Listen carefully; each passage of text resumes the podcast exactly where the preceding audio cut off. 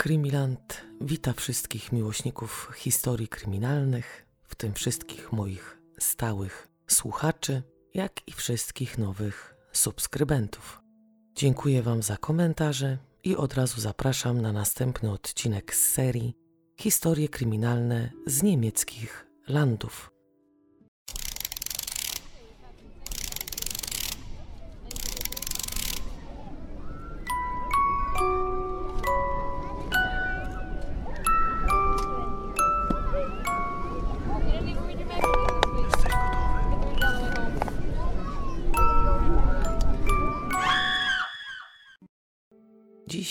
Zabieram Was w wiejskie rejony, a dokładniej do wsi Gros Gadał.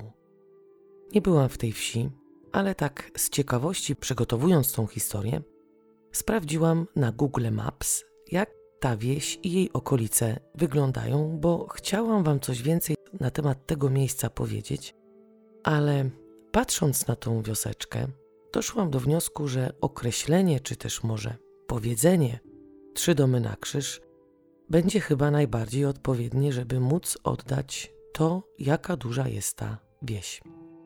W internecie podają dane dotyczące zaludnienia z 1910 roku i jest tam informacja, która mówi, że właśnie w tym roku ta wieś liczyła 94 mieszkańców.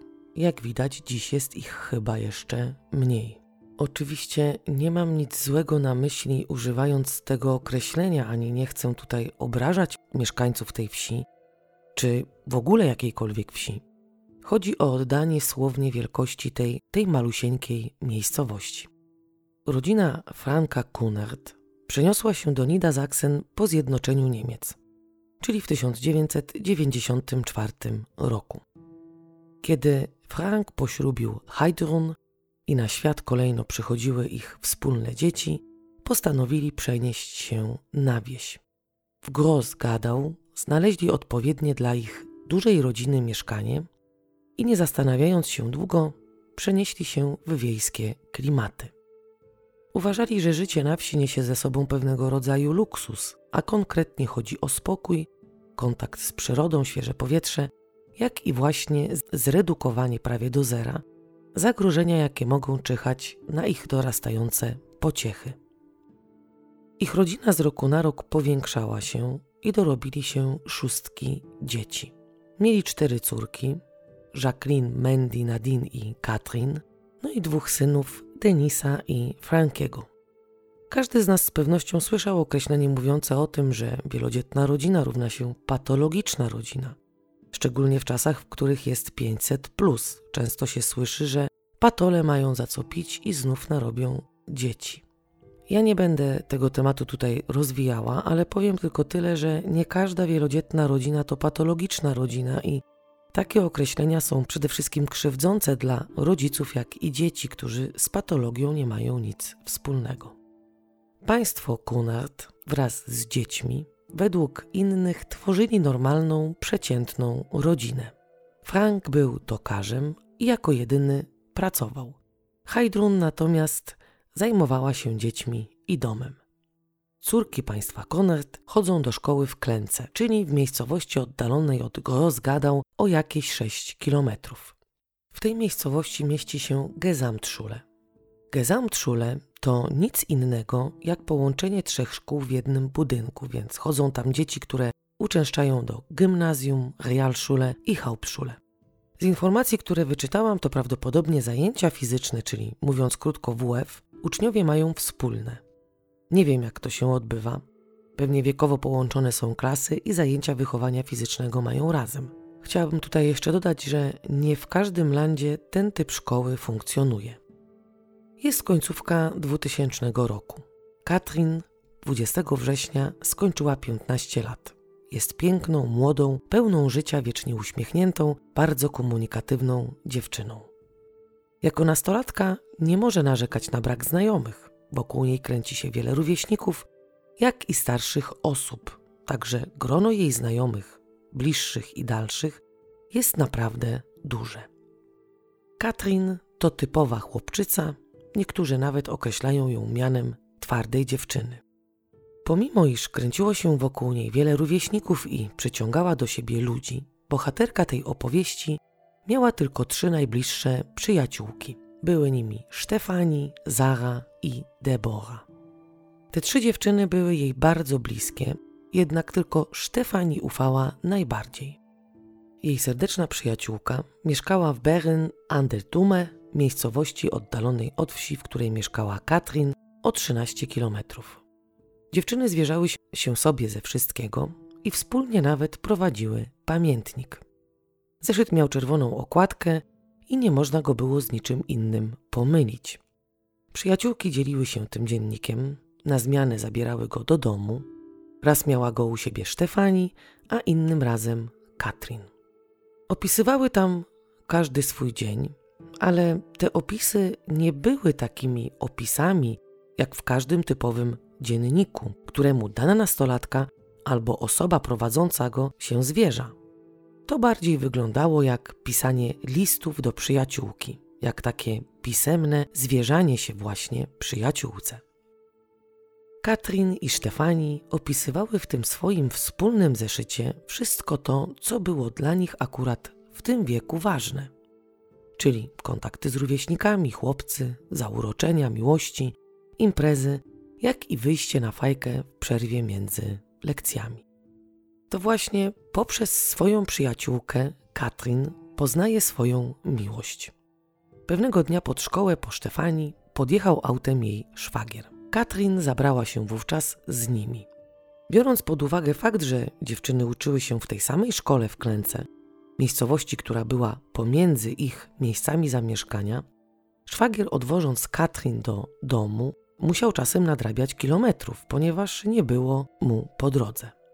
Poprzez to podrzucanie piętnastolatki do domu, ze szkoły, między Joachimem a dziewczyną zrodziła się miłość.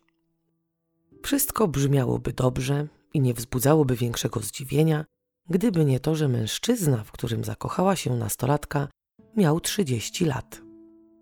Więc był zbyt dojrzałym mężczyzną do tak młodej dziewczyny. Początkowo sama Stefani nie miała pojęcia o tym, że jej przyjaciółka i jej szwagier są parą. Wszystko było utrzymywane w tajemnicy, także rodzice, jak i rodzeństwo Katrin nie wiedzieli o tym, że ona ma o 15 lat starszego w cudzysłowie chłopaka. Ja jednak co do niewiedzy rodziny podchodzę z dystansem. Uważam, że, że początkowo siostry mogły nie wiedzieć. Ale przecież chodziły do tej samej szkoły, miały między innymi tych samych znajomych, a skoro znajomi Katrin wiedzieli o trzydziestolatku, to siostry również mogły się przypadkowo o nim dowiedzieć. Po drugie, w trakcie opowiadania tej historii dojdziemy do takiego momentu, że twierdzenie, iż rodzina nie wiedziała o związku Katrin z tak dojrzałym mężczyzną, stanie pod wielkim znakiem zapytania. Pewnego dnia przyjaciółki pokłóciły się ze sobą. Katrin była zazdrosna o to, że Stefani witała, jak i żegnała się z Joachimem uściskiem i buziakiem. Taka chyba była wtedy moda wśród młodzieży, że witali się buziakami i przytulasem. Stefani nie traktowała tych powitań jako coś wyjątkowego, jako coś, co mogłoby świadczyć o tym, że ją i jej szwagra łączy coś więcej. Joachim był po prostu jej przyjacielem i było to dla niej normalne, naturalne.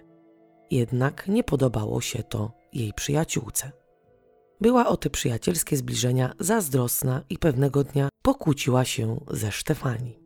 No i przez tą kłótnię wyszło na jaw, że ona i Joachim są parą.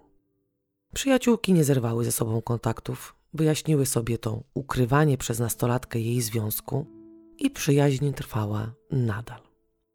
Kumpela bohaterki tej historii często i gęsto była tak zwanym alibi dla, dla piętnastolatki, która spotkania z Joachimem zakrywała odwiedzinami właśnie u niej. Może się tak zdarzyć, że w artykułach, w których będzie opisywany Joachim, pojawi się również imię Hansi, więc od razu mówię wam, że mężczyzna nazywa się Hans Joachim Raudis. Czyli wychodzi na to, że nazywali go raz jednym imieniem, raz innym. Tej atmosferze ukrywania związku nadszedł 30 grudnia 2000 roku. Cała rodzina Konert spędzała Sylwestra w Bad Bodenteich. to była taka impreza rodzinna, na której bawiło się od 30 do 40 osób. Ciotki, wujkowie, kuzyni, kuzynki wraz z osobami towarzyszącymi, siostry piętnastolatki również przyszły ze swoimi drugimi połówkami, więc się tych osób trochę nazbierało.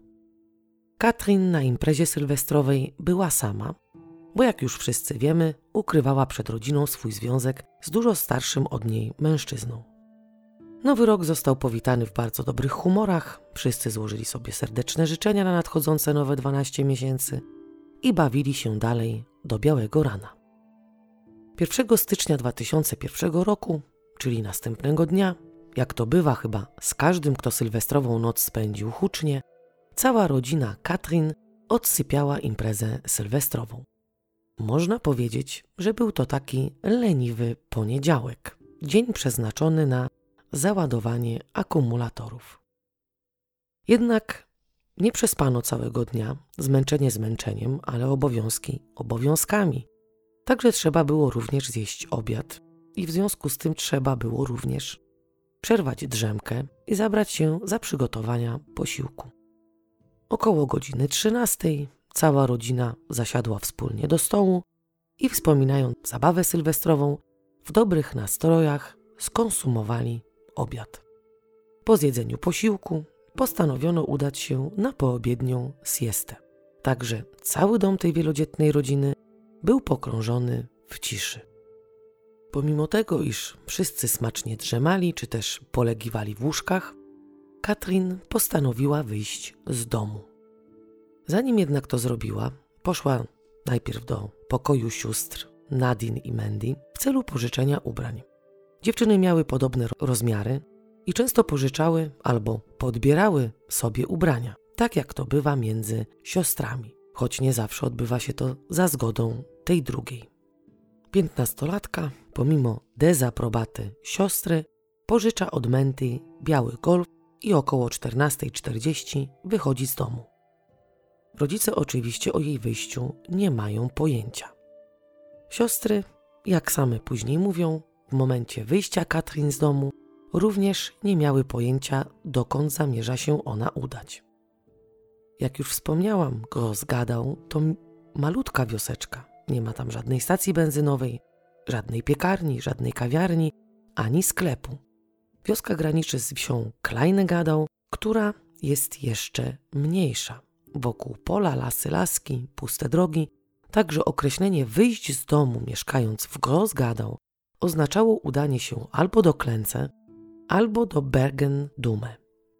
A to niestety nie było łatwe, bo po pierwsze był styczeń, wcześniej robiło się ciemno, więc jeśli piętnastolatka miała przejść daną odległość pieszo, to musiałaby wyjść z domu już dużo wcześniej. Oczywiście tego dnia, pomimo dnia świątecznego, jeździł między tymi miejscowościami autobus.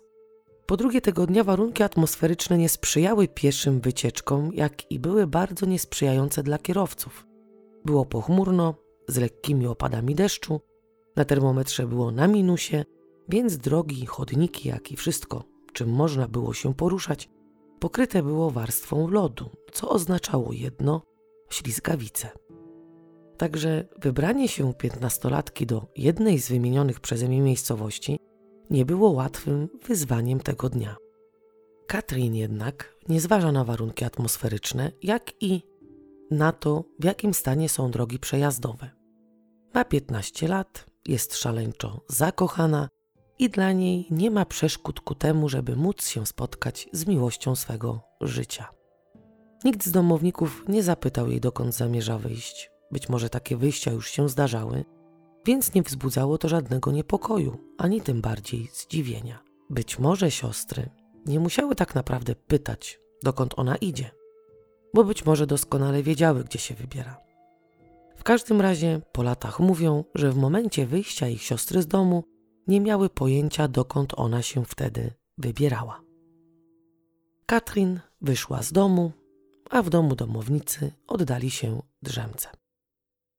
Między godziną 17.30 a 18.45 piętnastolatka wysyła SMS-a do swej siostry Nadine, w którym informuje ją, że będzie w domu między 18.30 a 19.00. Prosi w tej wiadomości tekstowej siostrę, żeby poinformowała o tym rodziców. Krótko po dziewiętnastej, kiedy nastolatka nie pojawia się w domu, Heidrun, matka Katrin, zaczyna się dość mocno martwić. O 19.30 Jacqueline, najstarsza z córek, wysyła SMS-a do swej siostry. Jednak wiadomość tekstowa nie dociera do odbiorcy. Można sobie tylko wyobrazić zaniepokojenie rodziców o dziecko, które powinno być już od dawna w domu. I pomimo iż Katrin zawsze wracała na noc, to można powiedzieć, że zawsze może zdarzyć się ten pierwszy raz, tym bardziej, że miała o 15 lat starszego, w cudzysłowie chłopaka. Jednak rodzice podejrzewali, że jeśli ich najmłodsza z córek nie wróciła do domu, to musiało stać się coś złego.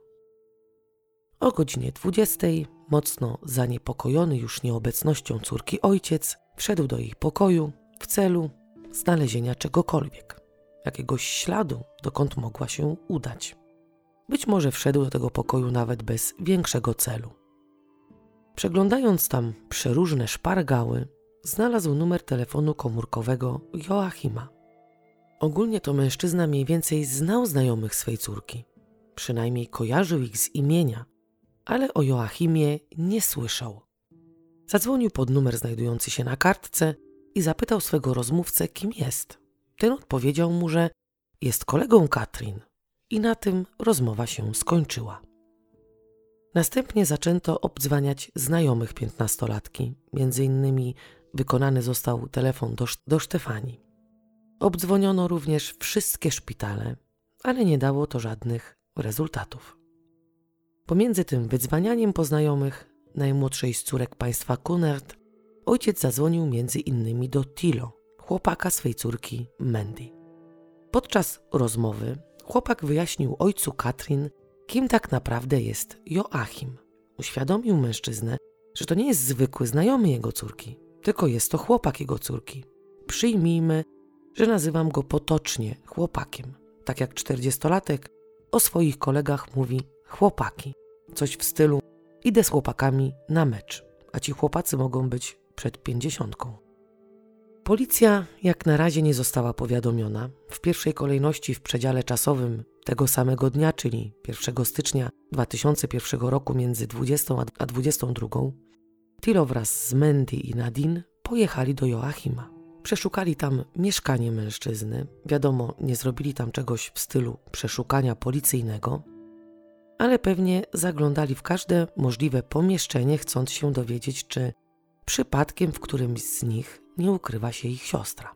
Joachima opisują jako pijanego lub naćpanego, bo bardzo dziwnie się zachowywał. Poprzez to przeszukanie doszło między trójką poszukujących a trzydziestolatkiem do szarpaniny.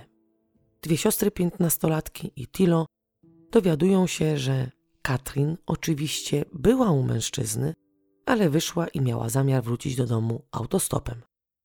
Trójka poszukujących przejechała wzdłuż i wszerz Bergendume i wrócili do domu. No bo co można było więcej zrobić? Ciemno, zimno, ślizgawica. I właśnie takie warunki nie pozwalały na przeszukanie okolicznych łąk, lasów, lasków i dróg. Wiadomo, że nie przeszukaliby sami tak ogromnego terenu, ale przynajmniej może sprawdziliby najbliższe okolice. Następnego dnia, czyli 2 stycznia 2001 roku, ojciec powiadomił policję o zaginięciu córki. Jednak nie od razu wszczęto akcje, które mają na celu znalezienie zaginionej osoby. W wielu historiach słyszymy, że policja często ma takie olewackie podejście do zaginięć nastolatków. Ale w przypadku tej sprawy, dwa tygodnie wcześniej, miało miejsce pewne wydarzenie, które miało ogromny wpływ na działania policji. Dwa tygodnie przed zaginięciem Katrin, Frank przyłapał piętnastolatkę na paleniu papierosów. Doszło między nim a jego córką do dość ostrej kłótni i być może nawet padły tam ostre słowa, tego nie wiadomo, ale jedno jest pewne, że ojciec nie był szczęśliwy i zadowolony z tego powodu, że jego dorastająca pociecha pali. Po tej awanturze nastolatka w emocjach postanowiła uciec z domu. Ojciec pojechał za nią autem, dogonił ją, wsadził ją do samochodu, Następnie, również będąc w emocjach, będąc bardzo zdenerwowanym, być może nawet chciał w taki sposób spacyfikować córkę, być może chciał pokazać zbuntowanej nastolatce, że on się nie ugnie i nie odpuści, albo być może nawet szukał w danej chwili jakiegoś takiego ratunku i szukał autorytetu, który może przemówi zbuntowanej nastolatce do rozumu, więc kiedy ją wsadził do tego samochodu, pojechał z nią na policję. I tam podczas rozmowy wypowiedział słowa, które były, można powiedzieć, tragiczne w skutkach. Frank na odchodne powiedział funkcjonariuszowi, że jeśli Katrin ucieknie, to mają jej nie szukać. Ja podejrzewam, że ojciec był przekonany, iż jego córka, która prawdę mówiąc była jego tak zwanym oczkiem w głowie, bo bardzo często o tym mówi, poprzez swoje działania chciała nam wymusić na ojcu taką jakby uległość. W emocjach mówi się również różne słowa, a w złości nie ma miłości i nie myśli się o konsekwencjach tych słów. No i właśnie z powodu tej sytuacji policja nie podjęła natychmiast żadnej akcji poszukiwawczej. Czekali. Po upływie trzech dni ruszyły zakrojone na szeroką skalę poszukiwania. We wszystkich dostępnych mediach puszczano informacje o zaginięciu Katrin. W pierwszej fazie policyjne działania poszukiwawcze objęły obszar Bergen-Dume przez Klędzę i drogi drugorzędne prowadzące do Grosgadał. Przeszukano tereny leśne, niziny, łąki, pola, pagórki, zagajniki, wiaty polowe, obiekty myśliwskie, altany, pobocza dróg, mosty, przejścia podziemne, pnie drzew, zarośla, wrzosowiska, stawy, strumienie. Później policjanci raz po raz przeczesywali lasy, szukali Katrin z psami tropiącymi, w powietrzu latały helikoptery z kamerami termowizyjnymi, przeczesywali nawet belesiana leżące pod plandekami na polach, przeczesywali ogródki działkowe, jak i wszystkie możliwe zarośla. Do poszukiwań dołączyły nawet helikoptery wojskowe. I pomimo wszelkich starań nie znaleziono żadnego śladu po dziewczynie. Tak jakby zapadła się pod ziemię. W prasie pojawiły się również artykuły opisujące zaginięcie. I teraz dochodzimy do tego momentu, o którym mówiłam wcześniej. Momentu, który stawia pod wielkim znakiem zapytania to, czy rodzina Katrin rzeczywiście nie miała pojęcia o tym, iż jest ona w związku z tak dojrzałym mężczyzną. Przypominam, że znajomi dziewczyny wiedzieli o tym, siostry chodziły do tej samej szkoły, miały również wspólnych znajomych. Chłopak Mandy również wiedział o Joachimie, także myślę, że siostry również o tym wiedziały. Wśród rodzeństwa często jeden drugiego kryje i żadne z dzieci nie puści pary przed, nie puści pary przed rodzicami, ale zdarza się też tak, że któraś z sióstr mogła chwilowo się pokłócić z Katrin, lub też jej samej mogło nie podobać się to, że piętnastolatka ma zbyt dojrzałego w cudzysłowie chłopaka. No i mogła poinformować o tym rodziców. Co jeszcze przemawia za tym, że rodzina mogła wiedzieć o Joachimie? Znalazłam artykuł, w którym rzecznik policji wypowiada się w taki sposób. Cytuję. W rodzinie były napięcia, ponieważ ojciec odrzucił związek córki ze znacznie starszym od niej mężczyzną. To były typowe kłótnie między ojcem a dojrzewającą córką. Dziewczyna miała ogólnie dobre relacje z rodzicami. Koniec cytatu. Z wypowiedzi rzecznika policji jasno wynika, że ojciec doskonale wiedział o trzydziestolatku. Więc skąd ta informacja, że przeszukując pokój córki znalazł numer do Joachima i nie wiedział, kim on jest? Ja myślę, że początkowo, kiedy wydało się, że Katrin ma o 15 lat starszego chłopaka, zabronił córce kontaktów z Joachimem. Myślał, że córka go posłuchała, a dziewczyna pomimo wszystko spotykała się potajemnie ze swoją miłością. Żeby nie wzbudzić podejrzeń, wracała zawsze na czas do domu. No i jak już wspomniałam, miała alibi. Przyjaciółka w razie W ją kryła. Ojciec mógł tak naprawdę nie wiedzieć, jak ma na imię mężczyzna, z którym jego córka jest w związku, i mógł być tak naprawdę przekonany, że rzeczywiście go posłuchała. I dlatego być może cały czas rodzina zapewnia, że nie miała pojęcia o tym, iż Katrin jest z Joachimem. Wracając do tego artykułu, w którym wypowiadający się rzecznik policji mówił o konflikcie ojca z córką, Cytowane są tam również słowa matki Katrin. Kobieta mówi, że córka nigdy nie uciekłaby z domu, że w domu nie dochodziło do żadnych drastycznych kłótni i że córka w szkole również nie miała żadnych problemów. Policja też przyjęła taką opcję, że piętnastolatka nie uciekła z domu. W trakcie tych poszukiwań pojawiły się plakaty, na których widniało zdjęcie pięknej, młodej dziewczyny z radosnym, cudownym uśmiechem i jej opisowym rysopisem. Katrin ma 160 cm wzrostu, jest drobnej budowy ciała, ma czarne, krótkie, sięgające do uszu włosy, nosi fryzurę na tak zwanego pazia. W dniu zaginięcia ubrana była w czarne sztruksowe spodnie, biały golf, czarną bomberkę i półdługie kozaki na platformie. Na nadgarstkach miała wiele tak zwanych szczęśliwych bransoletek, czyli takich plecionych. Prawie na każdym palcu miała pierścionek, a na szyi opaskę, która miała imitować tatuaż. W kieszeni kurtki miała małą paczkę tytoniu o nazwie Red Bull i pięć marek. Dziewczyna powinna mieć również przy sobie telefon firmy Alcatel. Podano również informację, że telefon komórkowy Katrin był rozładowany, a karta niedoładowana, dlatego nikt nie mógł się z nią skontaktować. Mijał dzień za dniem, tydzień za tygodniem, a piętnastolatka nie wracała do domu. Przesłuchano wszystkich możliwych świadków, znajomych i dzięki temu można było odtworzyć drogę do Bergen-Dume, jak i dowiedzieć się, co robiła piętnastolatka po wyjściu z domu. Ja teraz przedstawię Wam to, co udało się śledczym ustalić. Jak już wiemy, Katrin wyszła z domu 1 stycznia 2001 roku o godzinie 14.40. Joachim posiadał prawo jazdy i auto, ale tego dnia jego samochód był u mechanika. Z tego właśnie powodu nie był mobilny. Umówił się zatem ze swoim kolegą, że ten odbierze Katrin z przystanku, który znajdował się tak jakby w sąsiedniej wiosce Szlance. Między godziną 15.15 .15 a 15.30 na przystanek we wsi oddalonej od Grossgadał o jakieś niecałe 500 metrów Katrin wsiadła do samochodu kolegi Joachima. Wielu uważa, że dziewczyna została odebrana z przystanku autobusowego, który nazywa się Szlance. Ten przystanek oddalony jest od ówczesnego domu Katrin o 30 metrów, ale to jest mylne założenie. Wraz z kolegą trzydziestolatka udali się do Bergendume. Kierowca pojechał, podjechał pod dom Joachima. Katrin wysiadła, a on prawdopodobnie odjechał. W domu Joachima para ogląda filmy i spędza leniwie poniedziałkowe popołudnie. Około 17 dochodzi między nimi do kłótni. Katrin chciała od Joachima pieniądze na papierosy. Wówczas wybrany kij serca rzucił jej kasę pod nogi.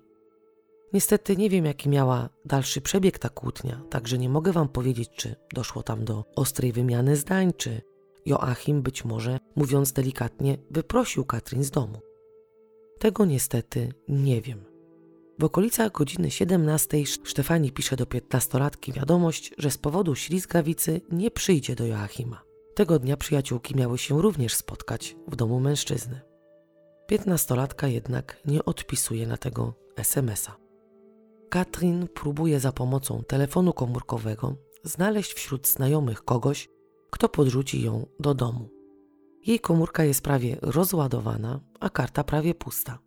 Z tego powodu próbuje również z telefonu komórkowego Joachima znaleźć transport do domu. Według śledczych dziewczyna kontaktuje się co najmniej z siedmioma osobami, w tym z Krystianem, Svenem i Tilo, chłopakiem Mandy. Krystian był wówczas wraz ze swoją przyjaciółką Tanią w pizzerii mieszczącej się, można powiedzieć, naprzeciwko przystanku autobusowego i kiedy otrzymał wiadomość od Katrin, która prosiła go o podwózkę do domu, Tania, która wówczas nie była w dobrych kontaktach z zaginioną, odradziła Krystianowi jazdę autem w, tak, w takich warunkach pogodowych. Ogólnie dziewczyna zareagowała na tą wiadomość z oburzeniem. Chłopak posłuchał Tani i odmówił piętnastolatce. Sven, z którym Katrin również się kontaktowała, podczas wymiany SMS-ów jak i rozmów przez telefon, powiedział jej, że okej, okay, on ją podrzuci do domu, ale pod warunkiem, że nie będzie czekał na jej znak, czyli na coś w stylu: Dobra, podjedź teraz. Chciał, żeby od razu wyszła od Joachima. Dziewczyna nie zgodziła się wyjść od razu z mieszkania swojego, w cudzysłowie, chłopaka. Policja podejrzewa, że zakochana po uszy nastolatka być może wierzyła w duchu, że się pogodzi ze swoim chłopakiem, że te jej nieudane próby znalezienia podwózki do domu wpłyną jakoś na niego i on sam znajdzie jej transport albo powie: Zostań jeszcze, ja zadzwonię do kumpla, on cię odwiezie. No i być może dlatego właśnie nie przystała na propozycję Svena. Następnie dziewczyna dzwoni do Tilo, chłopaka Mandy, i prawdopodobnie próby przekonania go do odebrania jej z Bergendume były wielokrotne. Tilo, jak sam później opowiada, nigdy nikomu nie odmówił, ale tym razem powiedział Katrin stanowczo nie.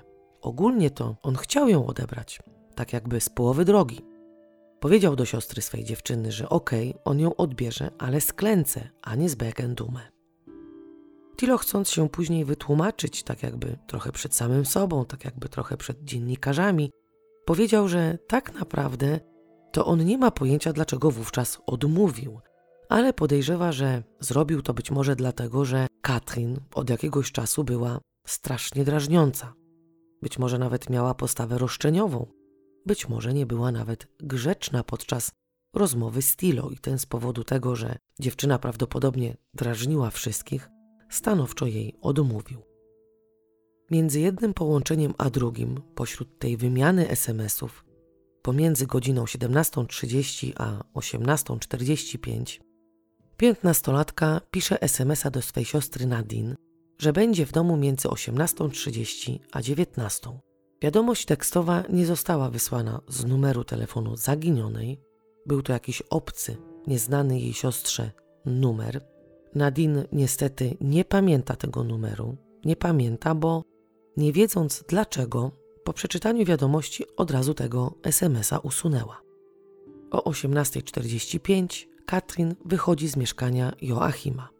O 18.50, jak już nam wiadomo, Christian był ze swoją dziewczyną Tanią w pizzerii, która znajduje się niedaleko przystanku autobusowego. Chłopak odebrał Tanię z domu samochodem, mimo że ta mieszka zaledwie 30 metrów od właśnie tej pizzerii. Opuszczając restaurację, oboje widzą, że Katrin przechodzi przez ulicę. Krystian zawraca wówczas samochód i ponownie mija dziewczynę, która przechodziła już obok kościoła. Podejrzenia są takie, że zrobił to celowo, prowokacyjnie, żeby pokazać piętnastolatce, że w taką śliskawicę jednak porusza się po Bergendume autem. Następnie wysadza Tanie pod jej domem i, według wstępnych ustaleń, dalej kontynuuje jazdę do swojego mieszkania. Wówczas powinien był ponownie minąć Katrin. O godzinie 19 Martin, następny znajomy nastolatki, rozmawia ze stojącą już na przystanku autobusowym Katrin. Rozmawia z nią siedząc w swoim aucie przez otwartą boczną szybę. Według jego zeznania Poruszał się tego dnia autem i przejeżdżając obok przystanku autobusowego, zauważył Katrin i się zatrzymał. Zaproponował jej wówczas, że podwiezie ją do domu, a ta podobno odmówiła, ponieważ znała sposób, w jaki on jeździł. Chodzi tutaj o szybką i niebezpieczną jazdę. Dwudziestolatek następnie odjeżdża spod przystanku autobusowego. Z Martinem jest taki problem, że policja nie od razu wiedziała o tym, iż on przeprowadził rozmowę z Katrin przed jej zaginięciem. Prawdopodobnie dwa dni po jej zniknięciu, czyli jeszcze wtedy, kiedy nie rozpoczęły się akcje poszukiwawcze i nie zostały podane informacje dotyczące zaginięcia, pojawił się w domu państwa Kunert i poinformował ich, że na przystanku rozmawiał z piętnastolatką i proponował jej podwózkę do domu. No można pomyśleć, że pomimo iż nie wszczęto poszukiwań, to jednak ludzie wiedzieli, że dziewczyna zaginęła i może chciał pomóc jakoś rodzicom i dlatego do nich pojechał. Pewna kobieta zaobserwowała o godzinie 19 1 stycznia 2001 roku, jak młoda dziewczyna stojąca na przystanku autobusowym rozmawia z kierowcą siedzącym w czarnym BMW. Nie wiadomo, czy auto Martina było właśnie czarnym BMW, czy może miało po prostu czarny kolor. W każdym razie godziny się zgadzają i według kobiety, która kilka minut później również widziała przystanek, nikt wówczas na nim już nie stał. O godzinie 19.30 Jacqueline, najstarsza z córek państwa Conert, wysyła SMS-a do Katrin, jednak wiadomość nie dociera do odbiorcy. O tej samej godzinie, czyli o 19.30, autobus, który pomimo przekonań wielu, kursował jednak w dniu 1 stycznia 2001 roku, podjeżdża na przystanek, na którym wcześniej stała zaginiona, jednak według kierowcy dziewczyny już tam nie było. W mediach ciągle mówiono o zaginięciu dziewczyny. Droga od Berkendume do Großgadau oblepiona była plakatami z wizerunkiem Katrin, jednak policja, pomimo usilnych starań, nie miała żadnego konkretnego tropu. 12 stycznia policja oficjalnie mówi o rozpoczęciu dochodzenia publicznego. Mówią o tym, że nic nie wskazuje na to, że zaginiona uciekła z domu, że jej zaginięcie wskazywałoby na jakiś wybryk dojrzewającego dziecka. Nie mówią wprost, ale czytelnicy, rodzina, przyjaciele i wszyscy ci, którzy byli zaangażowani w poszukiwania, wiedzą, co śledczy mają na myśli. A chodzi im konkretnie, konkretnie o to, że Katrin padła ofiarą brutalnego przestępstwa. 16 stycznia policja ponownie za pomocą mediów ogłasza, że dziewczyna w dniu zaginięcia posiadała charakterystyczne przedmioty, które mogłyby zostać rozpoznane przez potencjalnych świadków. Był to zegarek z wygrawerowanym jej imieniem i telefon Alcatel. Śledczy mają nadzieję, że podając tą informację do wiadomości publicznej, ktoś w końcu przypomni sobie o tym, przypomni sobie o tych rzeczach, albo przypomni sobie, że gdzieś te rzeczy być może widział. Policja otwarcie mówi już o tym, że nie wyklucza brutalnego przestępstwa. 17 stycznia ponownie wznowiono akcje poszukiwawcze zakrojone na szeroką skalę. Przez trzy dni przeszukiwano już przeróżne tereny leśne. Skupiano się na terenie znajdującym się pomiędzy, pomiędzy Großgadał a Klęce. Niestety nie przyniosło to żadnych rezultatów. Nie znaleziono niczego, nawet najmniejszego śladu, który wskazywałby na to, że być może nastolatka postanowiła iść pieszo do domu.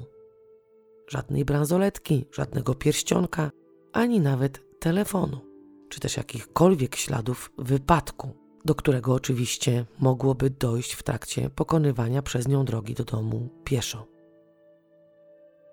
Nadszedł grudzień 2001 roku. Przez te miesiące co jakiś czas wznawiane były akcje poszukiwawcze, w które również zaangażowane były helikoptery z kamerami.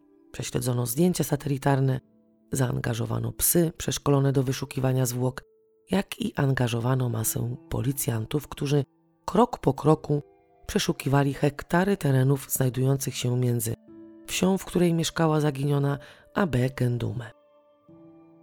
Rodzina Konert w nadziei i z pewną obawą oczekiwała nadejścia świąt. W nadziei, bo gdzieś tam w duchu liczyli na powrót córki, z obawą, bo to były ich pierwsze święta bez Katrin. Łatwiej jest zaakceptować fakt, że nasza pociecha założyła rodzinę i spędza święta osobno. Ale nieobecności dziecka w momencie, kiedy nie mamy pojęcia, gdzie jest, co się z nim dzieje, czy może jeszcze żyje, czy może już nie żyje, nie jest łatwo zaakceptować. Obawiali się swoich emocji, obawiali się tego, że nie podołają temu wyzwaniu, jakie postawił przed nimi los. W oknie znajdującym się w pokoju Katrin, Heidrun postawiła pluszowego misia i przyozdobiła go światełkami. Miś i te światełka widoczne były z daleka i sprawiało to wrażenie takiej jakby latarni, która, która miała wskazać zagubionej córce drogę do domu.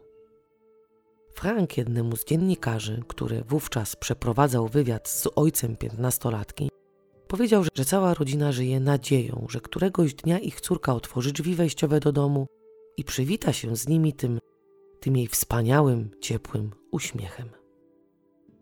Kornetowie przez ten rok starali się żyć normalnie. Córki chodziły do szkoły, Frank do pracy. Nikt nawet nie zauważył, że pokój Katrin był cały czas zamknięty i tak naprawdę nikomu nie wolno było do niego wejść. W ogóle w domu nie rozmawiało się na temat jej pokoju. Rodzina jednogłośnie uznała, że Katrin po zaginięciu w domu była bardziej obecna niż wcześniej, że wszędzie roi się od jej zdjęć i często się o niej mówi. Ojciec podczas rozmowy z dziennikarzem mówi, że często podczas oglądania meczu, a był zapalonym kibicem, nieświadomie w trakcie tego właśnie oglądania odrywał wzrok od telewizora i wpatrywał się tempo w zdjęcie swej córki. Cała rodzina obawiała się tych świąt, ale postanowili spędzić je normalnie i tak jak zawsze ze względu na dwóch najmłodszych synów, którzy w chwili zaginięcia ich starszej siostry mieli 4 lata i rok. Śledczy, którzy cały czas pracowali nad sprawą, którzy wiele razy rozmawiali z rodziną zaginionej, którzy obserwowali również właśnie tą rodzinę, byli pewni, że Katrin nie uciekła z domu bo według nich jej rodzina, pomimo swej wielodzietności, pomimo tych zdarzających się kłótni z ojcem, była kochającą i szanującą się rodziną, gdzie panowała atmosfera otwartości i miłości. Byli już wówczas przekonani, jak już tutaj wspomniałam, że dziewczyna padła ofiarą brutalnej zbrodni, bo doskonale wiedzieli, że, że dobrowolnie nie opuściłaby rodzinnego domu. 16 lutego 2002 roku hamburska gazeta, ta sama, w której w 2001 roku wypowiadał się rzecznik prasowy na temat tego, że ojciec dziewczyny nie akceptował jej związku, napisała w jednym z artykułów dotyczących zaginięcia, iż policja jest na tropie mordercy dziewczyny. W artykule była mowa o śledczych, którzy są przekonani, że Katrin nie żyje, którzy wierzą, że znajdą jej mordercę i, mo i mogą go wskazać w, w ciągu kilku dni że nowe tropy są oceniane w Państwowym Urzędzie Policji Kryminalnej w Hanowerze. Pisano tam również, że w grudniu rozkopano pole, które od lat leżało odłogiem. Rozkopano je, ponieważ, ponieważ pies tropiący zwłoki według śledczych wyczuł je tam. Rozkopano je również dlatego, że znaleziono tam świeże ślady kopania. Ale żadnego ciała tam niestety nie znaleziono. W grudniu 2001 roku Również poszukiwano Katrin za pomocą helikopterów, psów tropiących, policjantów. Jednak obszar poszukiwań zawęził się w pobliżu granicy dwóch landów. Świadek wówczas mówił policji, że widział na skraju właśnie tego pola czerwone auto z otwartym bagażnikiem. Policja nie zdradza jednak, czy te ślady, jak i auto, są rzeczywistymi śladami, czy tylko zagrywką taktyczną policji mającą na celu wywarcia nacisku na potencjalnego sprawcę. Główny inspektor powiedział, cytuję: Zakładamy, że w ciągu kilku dni znajdziemy ciało Katrin i przedmioty, które miała przy sobie. Koniec cytatu. Czyli można powiedzieć, że ta informacja była taką bombą, bo jak na razie do tej pory nic nie wskazywało na to, że policja w końcu trafi na jakikolwiek trop. Na temat pola i tego, do, do kogo ono należało, wrócimy w dalszej części tego odcinka. Śledczy nie próżnowali, jak już tutaj zdążyliście zauważyć, robili wszystko, co mogli, żeby znaleźć Katrin. Od samego początku mieli trzech podejrzanych, którym niestety nic nie można było udowodnić. Byli nimi Christian, Sven i Martin. To były trzy osoby z kręgu głównych podejrzeń, bo oni widzieli jako ostatni dziewczynę żywą, ale nie wykluczano również udziału Joachima, bo to, że dziewczyna wyszła od niego z domu, niekoniecznie musi wskazywać na to, że nie miał z jej zaginięciem nic wspólnego. W dalszym śledztwie okazało się, że Christian, ten, który za namową swej dziewczyny odmówił, odmówił piętnastolatce podwózki do domu, tak naprawdę podkochiwał się w zaginionej. On sam temu zaprzeczał, ale wszyscy znajomi jednogłośnie uznali, że Katrin była jego niespełnioną miłością. Po odwiezieniu swej dziewczyny pod dom wysiadł wraz z nią i wspólnie zapalili papierosy. Najpóźniej około dziewiętnastej Krystian kontynuuje swą podróż do domu, jednak w nim nie zostaje. Natychmiast wyrusza na stację benzynową, która mieści się w Klędze. Pojechał zatankować auto. Oczywiście udowadnia odwiedziny na stacji przedstawieniem paragonu. Na pytanie, czy widział idącą na pieszo Katrin, bo gdyby chciała iść pieszo, musiałaby właśnie iść drogą prowadzącą do Klęce. Odpowiedział, że jej nie widział. Około 21 Christian po powinien być ponownie u swojej dziewczyny. Śledczy dopatrzyli się tak zwanej dziury czasowej trwającej około 105 minut z przerwą na tankowanie.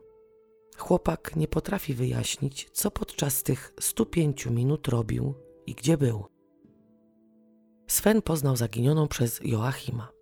Mężczyzna mieszka niedaleko przystanku autobusowego w Bergendume.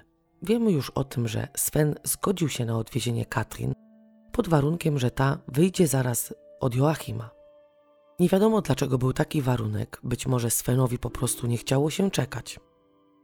Ostatni SMS wysłany od Katrin do Svena został o godzinie 18.40.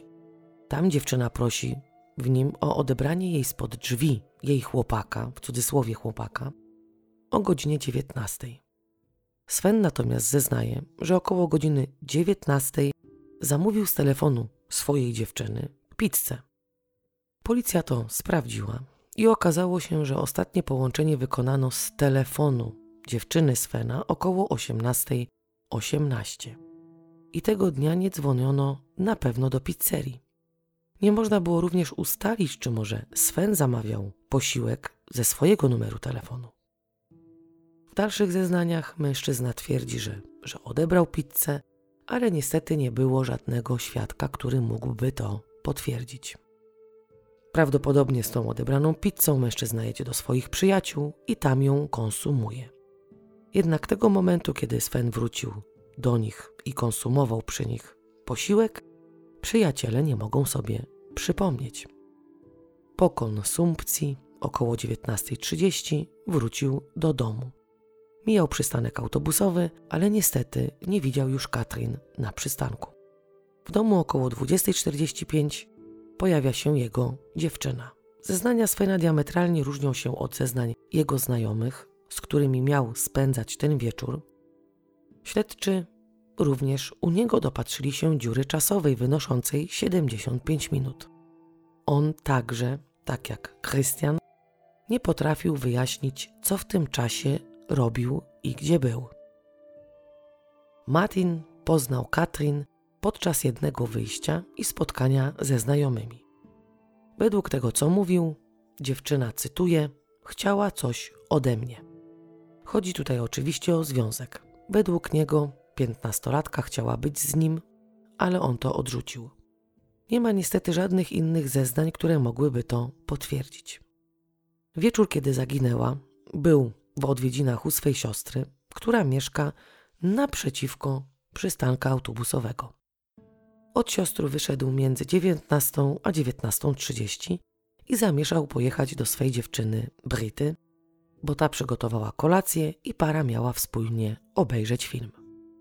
Wyjeżdżając od siostry, Martin spostrzega na przystanku Katrin i podjeżdża do niej.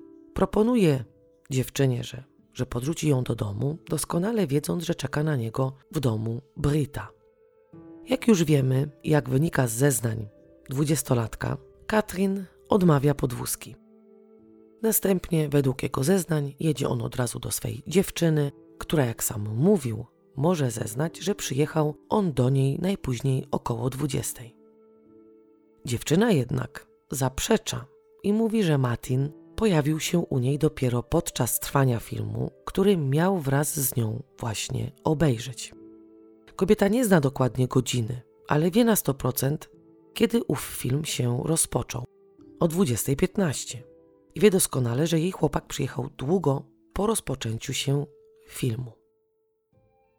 Śledczy sprawdzili, ile zabrałaby jemu podróż z przystanka do jego dziewczyny i okazało się, że pokonałby drogę w przeciągu dwóch minut. W przypadku Martina zeznania są całkowicie inne od tych, jakie podała Brita. I tutaj również dopatrzono się dziury czasowej wynoszącej trochę ponad 45 minut. To jest trzech głównych podejrzanych, którzy byli pod tak zwaną lupą śledczych. Ale co mnie zastanawia w tym wszystkim? Wszędzie, w każdym artykule dotyczącym zaginięcia Katrin, piszą o złych warunkach na drogach, o ślizgawicy, ale pomimo tych właśnie złych warunków pogodowych, w Bergen, Dume, panował dość spory ruch, bo nie tylko te trzy podejrzane przez śledczych osoby poruszały się po tej miejscowości. Było też wielu innych, do których policja dotarła. Była grupa młodych ludzi, która przejeżdżała przez miejscowość około 19.10. Jechali do kina na seans, który zaczynał się o 20.15. Jechali wcześniej, ponieważ bilety mieli odebrać najpóźniej do 19.45. Żaden z tej czwórki, z jednym z nich również kontaktowała się Katrin, nie widział o tej godzinie dziewczyny na przystanku. Była również kobieta o imieniu Ute, która również przejeżdżała przez Bergen. Ona była tam wcześniej niż czwórka młodych chłopaków. Kobieta również miała przystanek autobusowy. Powiedziała policji, że kiedy wjeżdżała do miejscowości, akurat w radio rozpoczęły się wiadomości, czyli według niej była to godzina 19. Przystanek mogła mijać między 19.05 a 19.07. Mówiła, że było tak ślisko, że jechała bardzo powoli z prędkością pieszego, dlatego tak długo to trwało. Kobieta nie widziała Katrin na przystanku, ale widziała z odległości, jak wjeżdżała do tego Bergen, że pod przystanek podjeżdża jakieś auto. Więc mogło tak być, że zanim dojechała do tego miejsca, dziewczyna wsiadła już do tego właśnie samochodu. Nie może jednak określić marki ani typu pojazdu. Tych aut było dużo więcej i tak się zastanawiam, czy rzeczywiście tego wieczoru była taka ślizgawica, o jakiej się czyta i słyszy. Po drugie, dość sporo znajomych Katrin kręciło się wokół przystanka, z którego dziewczyna zniknęła, i wiele osób poruszało się drogą z Klęce do Bergendume między godziną 18.30 a 21.00. Do tej pory powiedziałam Wam o Joachimie tylko tyle, że miał 30 lat i był szwagrem Stefani. Joachim należał do klubu, kliki, może nawet zaryzykowałabym stwierdzenie, że gangu, który nazywał się Nordmena MC. Nordmena to dla ludzi nieinteresujących się tą tematyką zwykli motocykliści rockersi czy też rockmeni. Jeżdżą sobie chłopaki Harley'ami, mają swój klub, spotykają się i nikomu to nie powinno przeszkadzać. Ale klub motocyklowy to tylko przykrywka, bo jest to nic innego jak gang, który według policji prowadzi przestępczość zorganizowaną. Wśród tych miłośników roka, jak i motocykli są również neonaziści. W czerwcu 2003 roku około 300 policjantów przeszukało około 16 obiektów w Dolnej Saksonii, między innymi posiadłość tak jakby szefa tej właśnie kliki, która mieściła się w Bergendume.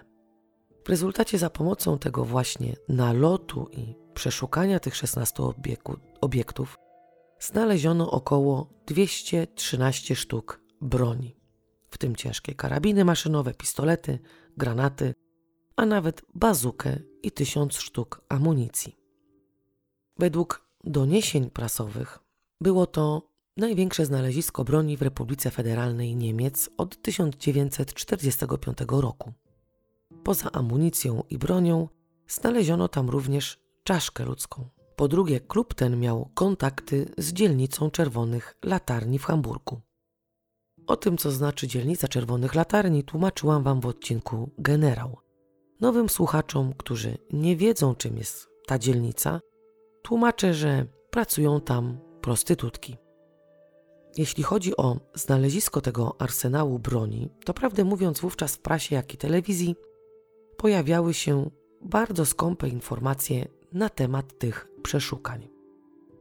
Szef Nordmana z Bergendume uniknął aresztowania, ponieważ się ukrywał przez trzy tygodnie. Mężczyzna był już kilka razy notowany za napaść i drobne rozboje. Przez trzy tygodnie policja próbowała go namierzyć, a on tak jakby zapadł się pod ziemię. Później jednak specjalna grupa zadaniowa dostała cynk i namierzono uciekiniera. Wiadomo, aresztowano go i osadzono w areszcie.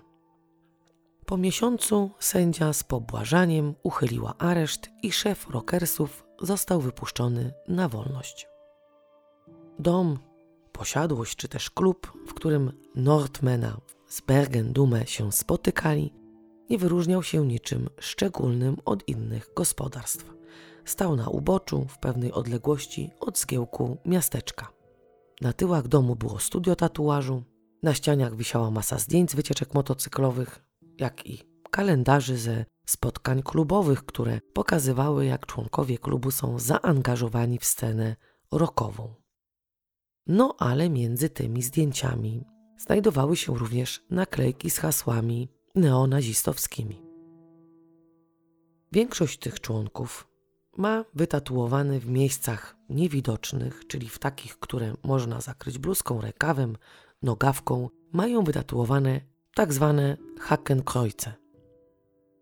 To tak wielkim skrócie na temat klubu, którego członkiem był Joachim. Nie wiem, czy nadal nie jest członkiem tego typu klubu, ale jedno jest pewne: kilka lat po zaginięciu Katrin, mężczyzna się wyprowadził. I właśnie na posesji domu tego szefa tych rockersów pies wyczuł zapach zwłok. Jednak niczego na polu nie znaleziono. Katrin i jej przyjaciółka Stefani były tam przed jej zaginięciem obecne. Akurat wówczas klub świętował swoje obchody. Nie wiem, czy dochodziło do tych odwiedzin częściej. Zara, przyjaciółka Katrin, opisuje tą klikę jako niegroźnych motocyklistów, którzy trzymają się razem, ale nie robią żadnych zbrodniczych rzeczy. Najgorsze znane czyny, jakie popełniają, to jazda bez prawa jazdy i jazda z naruszeniem przepisów ruchu drogowego.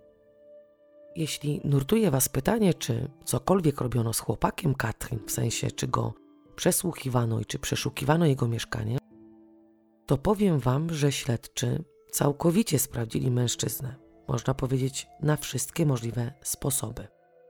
Dodatkowo powiem Wam, że jego mieszkanie było przez kilka tygodni przeszukiwane. To nie trwało dzień, nie dwa, nie trzy, tylko trwało to kilka tygodni. No ale niestety, jak już wiadomo, nie przyniosło to żadnych pozytywnych rezultatów. Mijały lata, policja co jakiś czas wznawiała śledztwo i poszukiwała zaginionej piętnastolatki. W czasie prowadzenia dochodzenia, wznawiania sprawy, pojawiło się wiele wskazówek. Tropy prowadziły również do sekty, która ma do dziś swą siedzibę w Bergen Dume. Sekta, w wielkim skrócie, praktykuje okultyzm i satanizm. W 1992 roku założyciel tej sekty, tej sekty, pan Eshna, postrzegający siebie jako reinkarnację brytyjskiego satanisty Croweya, został skazany na 6 lat więzienia. Mężczyzna zgwałcił jedną z członkiń, z członkiń tej grupy, no i torturował ją między innymi przypalając ją papierosami. Prawdę mówiąc, to podobne formy przemocy się tam powtarzały i skoro sekta działa nadal, to pewnie się powtarzają. W sekcie ważną rolę odgrywają seksualne praktyki magiczne. Magiczne, bo to przecież stowarzyszenie okultystyczne. Podczas tych magicznych, seksualnych praktyk dochodziło do spożywania kału i picia moczu. Dziś, kiedy internet odgrywa ważną rolę, sekta stara się dotrzeć do młodych ludzi, którzy interesują się ezoteryką. Z uwagi na to, że guru tej sekty został w 1992 roku skazany i nadal dochodziło i dochodzi tam do przemocy, uznano, że być może Katrin, wracając do domu, została porwana przez członków sekty. Jeden z tych byłych sekciarzy, że tak pozwolę sobie go określić, Mówił, że 1 stycznia 2001 roku widział Katrin na imprezie zorganizowanej w jednym z domów należących do tej grupy ludzi.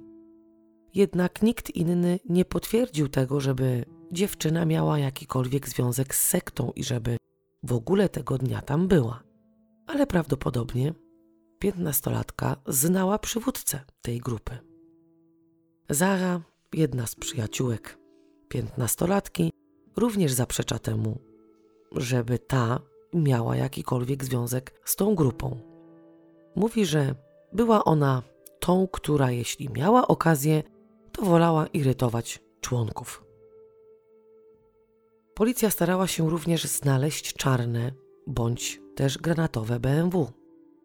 Cztery miesiące po zaginięciu Katrin, pewna kobieta zgłosiła policji, że w dniu 1 stycznia 2001 roku zgubiła drogę i zjechała do Bergen. Widziała tam czarne BMW, którego kierowca rozmawiał z kobietą stojącą na przystanku autobusowym. W tym samym przystanku, na którym widziano ostatni raz zaginioną. Śledczy, który prowadził śledztwo, spotkał się z kobietą i zawiózł ją na ten właśnie przystanek. Kobieta stojąc tam po kilku chwilach uznała, że się pomyliła, że to nie jest to miejsce. Śledztwo również wskazało, że mężczyzna o imieniu Niko, także członek Nordmana, był posiadaczem srebrnego BMW. W wieczór zaginięcia piętnastolatki był poza domem i mijał przystanek, o którym tutaj ciągle mówię, między 18 a 19. Niestety mężczyzna twierdzi, że nie widział wówczas Katrin. Dalsze wskazówki dotyczące BMW prowadzą nawet do Paryża, a dokładniej do garażu, który znajduje się na jednym z paryskich lotnisk. Znaleziono tam granatowe BMW z niemiecką rejestracją, którego, jak się okazało, właściciel przebywał w więzieniu. Ten trop również do niczego nie doprowadził. Po jakimś czasie otrzymano informację, że kilka kilometrów za Bergen znajduje się czarne BMW z berlińskimi tablicami rejestracyjnymi. Dochodzenie jednak ujawniło, że trzy miesiące przed zniknięciem dziewczyny te berlińskie rejestracje zostały zmienione. Właściciel auta również został sprawdzony przez policję. 30 października 2006 roku około godziny 19.59 Mandy odbiera telefon. Po drugiej stronie słuchawki słyszy kobiecy głos, która mówi z polskim albo rosyjskim akcentem. Kobieta mówi, cytuję: Dzwonię z powodu siostry, z powodu zaginionej siostry. Czarne BMW, Hamburg. Po tych słowach rozmówczyni się rozłącza. Natychmiast powiadomiono policję, policja sprawdziła połączenie i okazało się, że zostało ono wykonane z budki telefonicznej w zachodniej części Norymbergi. Tylko tyle niestety można było ustalić. Do 2006 roku można powiedzieć, że wykluczono tych trzech podejrzanych, o których już Wam tutaj wspomniałam. Wykluczono ich z powodu braku dowodów. I to nie było tak, że, że policja bawiła się z podejrzanymi. Oni ostro ich przesłuchiwali. Dziewczyna Matina, jak sama wspomina, była pod ogromną presją policji i została pośrednio oskarżona o udział w morderstwie. Według przesłuchujących ją policjantów, jej motywem miała być zazdrość. Kryminalni odbierali ją spod szkoły, więc jakby nie było, starali się sprawić, żeby pod wpływem stresu, wstydu, dziewczyna w końcu przyznała się do winy albo do tego, że jej chłopak powiedział jej, co zrobił z Katrin i ona wie doskonale, co się wtedy wydarzyło. Brita miała również założony podsłuch na telefonie, także policja w przypadku tego zaginięcia nie bawiła się z podejrzanymi, jak i świadkami. Chciano również przeszukać samochód Martina, ale ten na początku odmówił i nie pozwolił policji na grzebanie w jego aucie. Wydał zgodę dopiero długo, długo później. Także jak widać, śledczy starali się na wszystkie sposoby wyjaśnić to, co wydarzyło się 1 stycznia 2001 roku. Dziś te osoby nie są już podejrzanymi.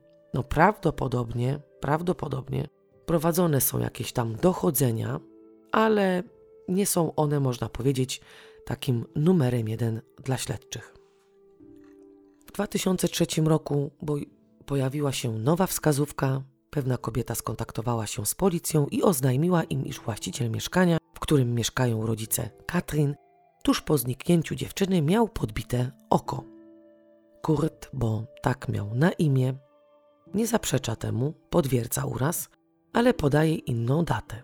Kobieta twierdzi, że mężczyzna miał już podbite oko 5 lub 6 stycznia, a ten jednak temu zaprzecza i powiedział, że, że do urazu doszło później. Zapytano zatem Kurta, co się wydarzyło, czy brał udział w bójce. Ten powiedział, że doszło po prostu do wypadku, że jedna z gałęzi drzewa odskoczyła i podbiła mu oko. Był kontuzjowany i nawet z powodu tej kontuzji poprosił swego zięcia, żeby ten się nim zajął. Policja przeszukała dom i auto mężczyzny. Przeszukanie przeprowadzone zostało, można powiedzieć, dość poważnie, bo nawet siedzenia w aucie należącym do niego zostały pocięte. Poza tym mężczyzna nie miał alibi, w dniu zaginięcia był w domu sam. Po drugie, posiadał koparkę, którą kilka dni po zniknięciu piętnastolatki wykopywał dół pod gnojówkę, jak i wykonywał inne prace, które mogłyby świadczyć o tym, że mógł próbować pochować zwłoki.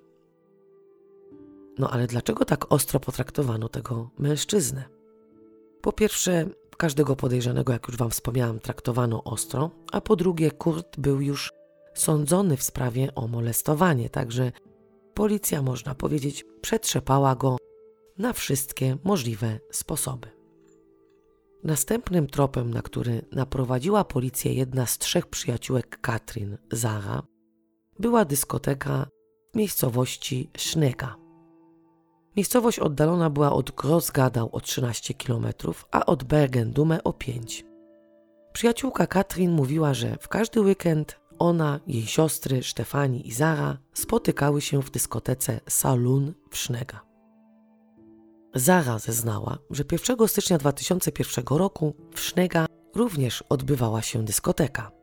Mówiła, że często drogę do miejscowości, w której właśnie się wszyscy spotykali, żeby potańczyć, pokonywano pieszo i podejrzenie, że piętnastolatka mogła się udać właśnie do Sznega, do tej dyskoteki, zamiast do domu, może być bardzo prawdopodobne. Jednak ten trop również okazał się ślepym zaułkiem. Przez lata poszukiwań, jak i ponownych wznowień śledztwa, pojawiło się wiele doniesień od świadków, którzy twierdzili, że widzieli Katrin. Doniesienia dotyczyły na przykład tego, że Katrin żyje i jest prostytutką. Sprawdzono ten trop. Okazało się, że kobieta wzięta za piętnastolatkę była łudząco do zaginionej podobna, ale nią nie była. Następne doniesienie dotyczyło tego, że zaginiona mieszka w pobliskim mieście. Również sprawdzono ten trop, ale niestety i tym razem okazało się, że była to łudząco podobna do Katrin kobieta.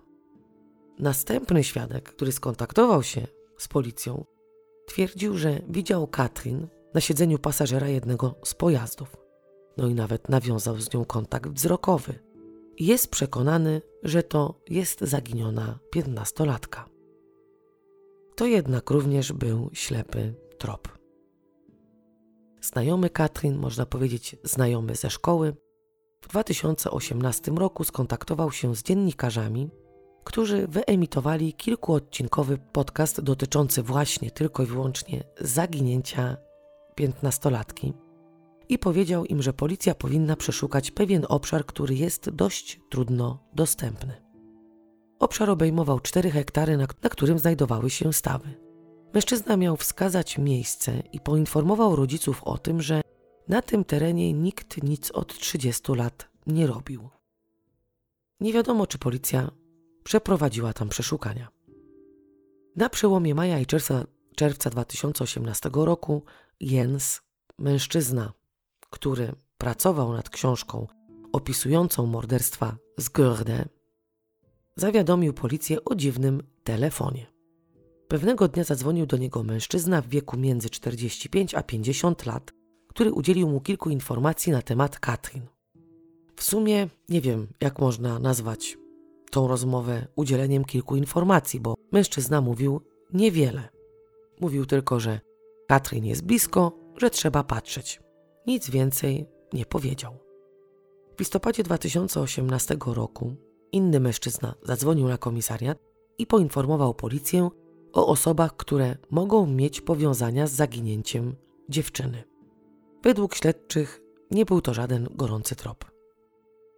Pojawiło się nawet podejrzenie, iż Katrin padła ofiarą seryjnego mordercy, którego dziewczyna była widziana przed domem, w którym rodzina Kornetów spędzała Sylwestra. Dziennikarze, którzy przygotowali kilkuodcinkowy podcast, napisali do mężczyzny, który obecnie siedzi w więzieniu, on im nie odpisał osobiście, ale zrobili to za niego jego adwokaci, którzy na podstawie pytania o dom, pod którym, pod który odwoził swoją dziewczynę w dniu, kiedy odbywała się tam zabawa sylwestrowa, odpowiedzieli, że ich klient nie zna tej lokalizacji i poprosili o zaprzestanie kontaktów. Śledczy natomiast wykluczają to, iż mężczyzna miał cokolwiek wspólnego z zaginięciem nastolatki. Pojawiła się również jasnowicka ze Szwajcarii, która powiedziała policji, że ma wizje dotyczące zaginięcia dziewczyny. Kobieta twierdzi, że ma sny, w których duch piętnastolatki pokazuje jej miejsce, w którym spoczywa jej ciało. Kobieta nie może jednoznacznie wskazać lokalizacji tego miejsca, ale kojarzy się to z wodą i stawem. Jasnowicka kontaktowała się już ze śledczymi. Był również kontakt z jasnowidzem Gerardem. Na jego temat nie ma więcej informacji, jak tylko to, że również miał wizje związane z zaginioną. Pojawił się również inny znajomy Katrin, Dita, który opowiadał o pewnej sytuacji. Mówił, że raz spotkał Katrin w dyskotece, czyli w tej dyskotece, o której już wam tu mówiłam. Zabrał ją do domu samochodem. Po przyjeździe pod dom kazała mu czekać w aucie. Wkrótce potem wróciła z torbą i powiedziała Dieterowi, że chce uciec z domu. Kiedy to było dokładnie, mężczyzna niestety nie wie. Twierdza jednak, że nie było to, nie wyglądało to na to, że Katrin zaplanowała tą ucieczkę, że była to taka od sobie spontani spontaniczne posunięcie. Jedna z przyjaciółek piętnastolatki również mówi o tym, że Katrin chciała uciec z domu, że wiele razy o tym mówiła. Jednak zawsze, kiedy nadszedł wieczór, wracała do rodziny. W 2017 roku na wiacie przystanku autobusowego, na którym po raz ostatni widziano nastolatkę, ktoś napisał kredą, że Katrin została wykorzystana seksualnie przez tak jakby dwie osoby. To mógł być żart kogoś, kto lubi pisać bzdury, bo nazwisko zaginionej zostało zapisane z błędem. Ale równie dobrze mogła być to jakaś wskazówka. Jednak i to nie doprowadziło śledczych do sprawców. W 2018 roku, w zimę, przeprowadzono ogromne przeszukanie, w które zaangażowano koparki, jednak to też nie dało żadnych rezultatów.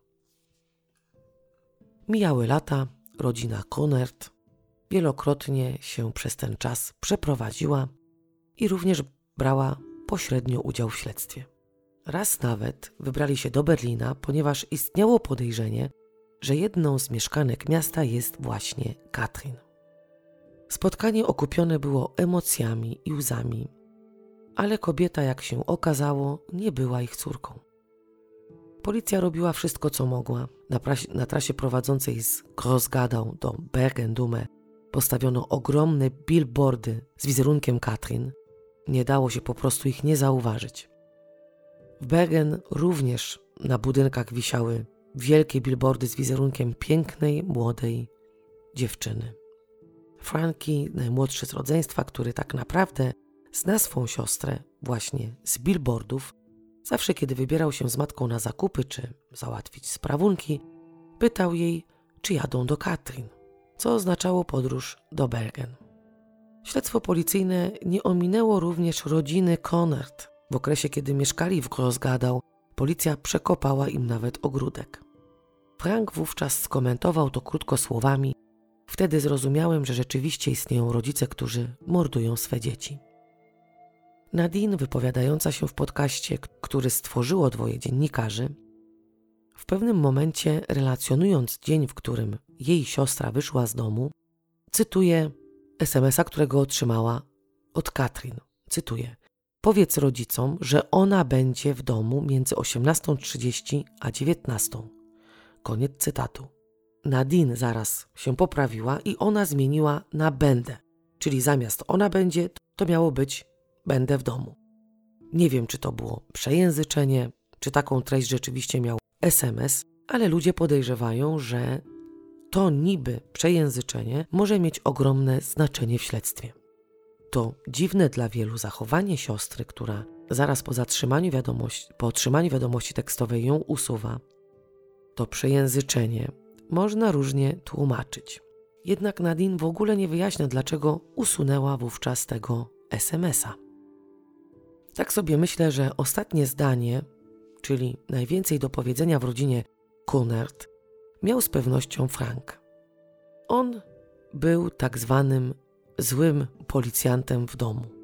Nie mówię, że dochodziło tam do przemocy, bo tego nie wiem, ale przy szóstce dzieci musiał być ktoś, kto będzie trzymał rękę na pulsie. Nie chcę tutaj obwiniać ojca, bo oglądając filmy traktujące o Katrin, pokazujące jej rodzinę, ojca, matkę, siostry, braci, nie widać, żeby była to rodzina, której nie zależy na dobru dzieci. Nie widać, żeby nie była to rodzina, która o siebie wzajemnie nie dba. No i nie widać, żeby to była rodzina, w której nie ma miłości. Właśnie, właśnie jest na odwrót. Katrin była takim oczkiem w głowie swego ojca. On się o nią jakoś tak bardziej martwił. I tak przeważnie jest, że te dzieci, które sprawiają problemy wychowawcze, zabierają myśli i tak jakby można powiedzieć uczucia rodzica. Bo niewątpliwie piętnastolatka sprawiała pewne problemy wychowawcze. Może nie były to jakieś ogromne problemy, no ale były. Nie mam teraz oczywiście na celu obwiniania jej czy też jej rodziny, ale losy ludzkie są różne, a rodzice, tak jak i dzieci, popełniają jakieś tam błędy. Ja osobiście nie dostrzegam w tej rodzinie nic, co mogłoby moje myśli skierować na to, że to właśnie ojciec czy też rodzeństwo było poniekąd winne jej zniknięcia. Od młoda, nieświadoma zagrożeń dziewczyna, która miała całe życie przed sobą, wsiadła być może do auta nieznajomego albo znajomego i nie wróciła do domu. Zaginięcie Katrin pozostawiło pustkę nie tylko w sercach rodziców, ale również w sercach jej przyjaciół. Deborah, jedna z jej trzech przyjaciółek, wspominając Katrin, mówi o niej łamiącym się głosem, momentami płacze, czym daje do zrozumienia, że ciężko jej mówić o przyjaciółce, że to całe zniknięcie Katrin również pozostawiło w jej sercu zadrę, z którą nawet po latach nie może sobie poradzić. Kobieta, bo kiedy rozmawia z dziennikarzami jest już po trzydziestce, mówi, że Katrin sprawiała wrażenie twardej, zawadiackiej dziewczyny. Ale wewnętrznie taka nie była, że ta zawadiackość to była taka maska, która ukrywała wrażliwą i kochaną dziewczynę. No i tymi słowami zakończę tą historię.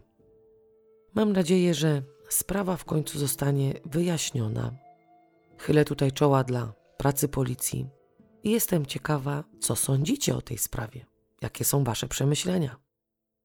Jak zawsze życzę Wam wszystkiego dobrego i do usłyszenia wkrótce.